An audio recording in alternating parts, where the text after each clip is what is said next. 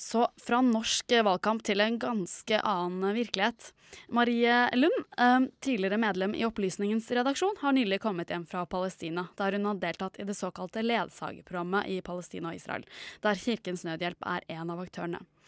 Marie, du har altså oppholdt deg i fire måneder på ulike steder på Vestbredden. Hva var anledningen for dette oppholdet? Det er da, som du nevnte, ledsagerprogrammet. Og det ble etablert i 2002 som eh, følge av et kall fra de kirkelige lederne i Jerusalem. Dette var under den andre intifadaen, og eh, kristne palestinere så at eh, de var i ferd med å De var under veldig mye press og ba da om, om hjelp fra det internasjonale kirkesamfunn. Så det har blitt et initiativ fra Kirkenes verdensråd, og Kirkens Nødhjelp er da norsk senderorganisasjon. Og hva er det, du litt mer konkret, hva er det dere skal bidra til med der nede? Eh, når vi er ledsagere, så gir vi beskyttende tilstedeværelse for eh, mennesker som lever under okkupasjon. Eh, det betyr at i stor grad så var min hverdag Jeg var utplassert i Hebron, og det er en veldig, veldig spent by. Det bor Hovedstaden på Vestbredden. Ja, nei, det er ikke hovedstaden, men det, det, er den største, største by, byen på si, ja. Vestbredden. Og, og, midt i sentrum der så ligger det en del mini-mini-bosetninger. Uh, og de bor til dels i nabohusene til palestinere, så det er veldig mye konfrontasjoner. Uh, og, og, disse bosetterne er veldig ideologisk motiverte for å, å, være der. Og de har med seg et par tusen soldater som uh, skal passe på dem. Så min oppgave hver eh, skoledag var egentlig å følge barn, palestinske barn på, på skolen. Vi sto ved kontrollpunktene, sånne checkpoints, som eh, da små barn Dette var en barneskole og en barnehage. Og de må da passere to eller tre checkpoints og eh, flere bosetninger. Så vi var da liksom, sto langs veien der, eller hentet ungene hjemme og fulgte de til skolen, avhengig av hvor spent situasjonen det var. Så nettopp ved deres tilstedeværelse, deres vitnesbyrd, så skal dette virke konfliktdempende? Ja, og eh, vi har, av og til så står man jo der og lurer på hvor mye man egentlig har å si. Men eh, vi har snakket masse med lærerne ved skolen, Cordoba-skolen heter den, og, og, rektoren der. Og de var helt eh, klinkende klare på at hvis vi forsvinner, altså hvis internasjonal tilstedeværelse trekker seg ut, så, så kommer ikke elevene til å tørre å gå på skolen. Da tør ikke foreldrene å sende ungene sine til skolen. Så hva er ditt inntrykk av uh, hvordan er hverdagen og, i disse områdene? Uh, jeg må si Altså, jeg har alltid hatt litt sånn Jeg har studert Midtøsten-kunnskap og studier, så jeg har på en måte veldig mye innsikt i, i regionen. Men jeg har alltid holdt meg veldig unna Israel og Palestina-konflikten sånn generelt, fordi jeg syns det dekkes veldig mye, og at jeg syns det er litt sånn Man blir litt sånn sugd inn i det, virker det som, og så er det på en måte bare det man holder på med. Men da jeg kom ned der, så må jeg si det var mye verre å leve under, under okkupasjon enn jeg trodde. Uh, så jeg må jo si jeg forstår jo disse som blir veldig engasjerte. For det er en helt uholdbar situasjon, og det er en veldig systematisk diskriminering. Både fra militære, men også fra bosettere mot uh, palestinere. Og det er en, veldig stor uh, byrde å, å, vokse opp i, spesielt da for unge og for barn. De vokser opp i et gjennommilitarisert samfunn, og, og, det bryter egentlig ned en hel ny generasjon med, med palestinere. Men dette ledsagerprogrammet, som altså da Norsk Folke... Kirkens Nødhjelp unnskyld, er en del av, uh, det har jo også blitt uh, kritisert? Det har det.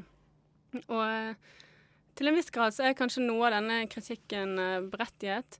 Vi er stort sett bare på Vestbredden, og vi dokumenterer menneskerettighetsbrudd der.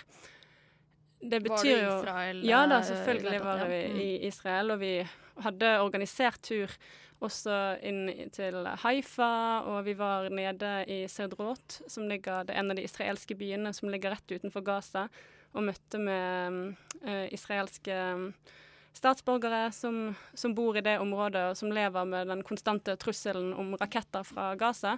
Og vi hørte på hvordan deres virkelighet er. Eh, så vi ser jo begge sider, men det er klart vi tilbringer mest tid inne på, på Vestbredden. Og da vil jo kanskje noen kritisere oss for å være unøytrale. Eh, men vårt mandat der går jo ikke på å vise like mye av Israel og like mye av Palestina. Det går på å dokumentere menneskerettighetsbrudd og de fleste menneske menneskerettighetsbruddene vi uh, ser nå, er under okkupasjonen. Det er inne på Vestbredden. Uh, det er der vi har vårt mandat, og det er der palestinerne også bor. Så um, det er ikke sånn at man skal ha like mye fra hver side sånn sett. Man må være unøytral når det kommer til menneskerettighetsbrudd. Men kan slike programmer som dette gjennom det arbeidet dere da gjør, bidra til en eh, normalisering av okkupasjonen. Altså at man gjør det levelig for uh, palestinerne i dagens situasjon, og dermed bidra til at okkupasjonen vedvarer? Det er også en veldig, veldig god uh, tanke man må ha med, eller en viktig tanke å ha med seg. for det er klart, nå gjør vi det mulig for Israel å holde på sånn som de gjør. Uh, men vi sørger også da for at f.eks. barn kommer seg på skolen. Vi uh, er til stede ved andre checkpoints der uh, arbeidere går igjennom for å jobbe inne i Israel.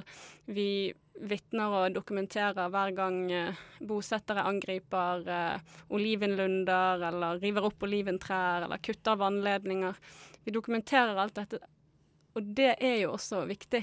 Hvis alle bare hadde trukket seg ut, så er det Kanskje er det det som må til for at uh, uh, Israel skal gi seg, at vi bare slipper alt ansvaret som internasjonalt samfunn. Men som borgere av det internasjonale samfunn så har vi en plikt til å vite og være opplyste, og da må vi ha folk på bakken, og vi må reise inn dit. Du beskriver en uh, systematisk diskriminering av palestinere, særlig også en trakassering fra israelske soldater er dette en del Hvorfor gjør de dette? Dette er jo ikke noe som bidrar til forsoning og potensielt en tostatsløsning, hvis, hvis det er mulig.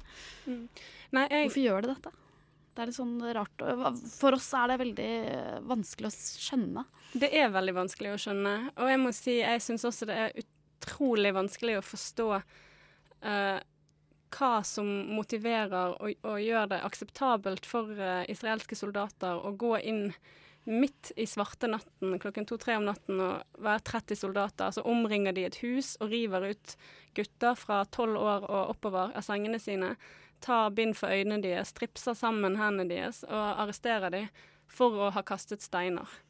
Og sitte der og skulle prøve å forstå det som en, et sikkerhetsbehov for Israel, det, det syns jeg personlig at er veldig vanskelig.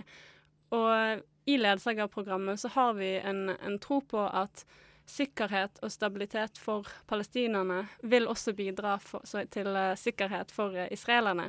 Og vi er veldig opptatt av at uh, vårt mål det er at både israelere og palestinere skal få nyte rettferdighet og en rettferdig fredsløsning for begge parter. Men du møter jo på en måte eh, det ene ytterpunktet, eller kanskje to ytterpunkt i denne konflikten, og du møter jo på Israels side ganske ekstreme personer, la oss si det sånn, både bosetterne eh, og også israelske soldater. Mm. Men hva sier eh, vanlige israelere du har møtt om den konflikten?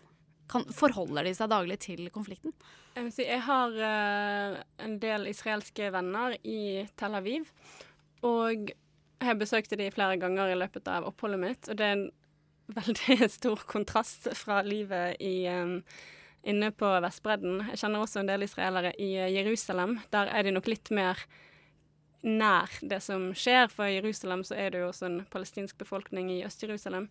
Men i, i, Tel Aviv så er i hvert fall mitt inntrykk at den jevne israeler er opptatt av sin sikkerhet. De er redde for angrep fra Hamas eller den typen terrorisme. Uh, men veldig mange orker ikke helt å forholde seg til det som skjer inne på Vestbredden. De har gjerne ikke vært i territoriene. De tenker på en måte at dette har ikke noe med min hverdag å gjøre, og jeg lever her i fred og fordragelighet og går på stranden og går på jobb og ja, lever, sine, lever, vanlige, lever sitt liv. Og det, det, forstår jeg veldig godt at de har lyst til å gjøre. Og så er det jo sånn at hver gang de møter noen fra, fra utlandet, så blir de anklaget for Gaza, for Vestbredden, for hele nasjonens mm. politikk. Og så er det jo ikke nødvendigvis Det er lett å grave seg ned i, ja. i, Da orker ikke de helt å ta, ta de kampene. Sant? Men til slutt, uh, Maria, finnes det håp? Jeg håper jo det. Du håper det? jeg vet ikke, men uh, det er mange der som vil ha fred. Det er i hvert fall min opplevelse. Både israelere og palestinere ønsker at det skal bli fred, men det er for mange krefter som jobber imot det. Og dere forsøker så godt dere kan hvert fall, å bidra til nettopp det. Takk til deg, Marie Lund. Og du har altså nylig vært uh, i Palestina gjennom, og Israel gjennom uh, det såkalte ledsagerprogrammet i Palestina og Israel, der Kirkens Nødhjelp er en av aktørene, og har altså da vært tidligere redaksjonsmedlem i Opplysningen, for å nevne det.